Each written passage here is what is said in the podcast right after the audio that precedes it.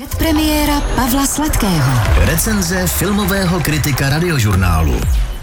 Prorok, zkáza, pomsta, moc, víra a poušť. To jsou hlavní elementy druhého dílu Duny.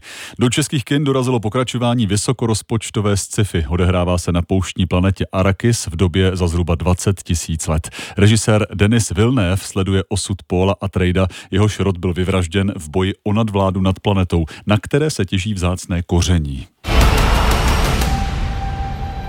See possible futures all at once. And in so many futures, our enemies prevail. But I do see a way. There is a narrow way through.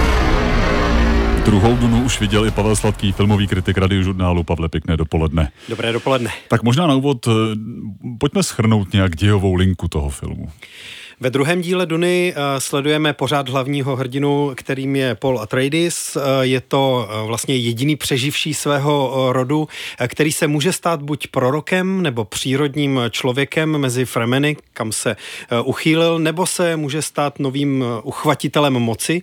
Možností je víc. Ostatně jsme ho slyšeli v té ukázce říkat, že vidí víc možných scénářů budoucnosti. Většina z nich je temná a záleží, kterou on sám si vybere a kterou mu podmínky dovolí. Celý ten příběh se odehrává na planetě Arakis, kterou ovládá nepřátelský a tak velmi fašisticky stylizovaný rod Harkonnenů a v těch písečných dunách mezi obřími písečnými červy, který jsou velkým nebezpečím, ale taky velkou vizuální atrakcí Nové Duny. Jakými tématy se Duna zaobírá? Těch témat je tam celá řada, což je právě věc, které si na Duny kromě té výpravné vizuální stránky cením. Jsou to jednak ty přírodní pouštní národy, ale taky eh, témata spojená s fundamentalismem eh, nebo terorismem a eh, je to film, který nám ta dilemata impéria a rodů v něm žijících servíruje tak, že jde o nějaké krize a konflikty, které jsou paralelní. Takže je tam třeba jeden osobní konflikt na nějaké osobní rovině, nebudu asi specifikovat, abych nespojiloval, neprozrazoval víc, než je nezbytně nutné, eh, ale zároveň konflikt eh, mezi rody, konflikt na jedné planetě i konflikt eh, v tom celkovém vesmíru.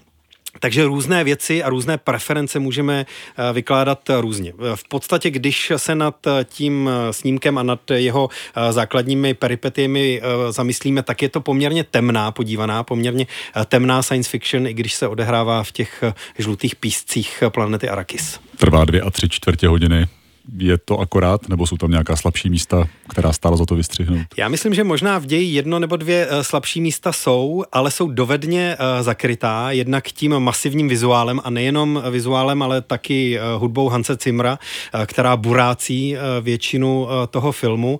Jinak Denis Villeneuve pokročil po tom prvním dílu mnohem dál s vyprávěním, je mnohem intenzivnější, mnohem akčnější než jednička a otvírá nějaké nové Eh, perspektivy, i když neje vždycky jsou to právě ty nejspektakulárnější bitvy, o co eh, v tom eh, filmu nejvíc jde. Duna má i svoji niternou linii, takže na mě dvojka Duny udělala velmi silný dojem, vizuálně i stran toho, co řeší jednotlivé postavy, jednotlivá impéria a jaké všechny možnosti přemýšlet o tom nám to nabízí. Nakonec je to adaptace románu z 60. roku. Eh, ta psychedelická rovina už nehraje takovou roli, ale eh, zdá se, že Duna je pořád velmi aktuální. Její pokračování se vrací do českých kin. Filmový publicista Pavel Sladký viděl, pozval. Díky. Díky, hezký den.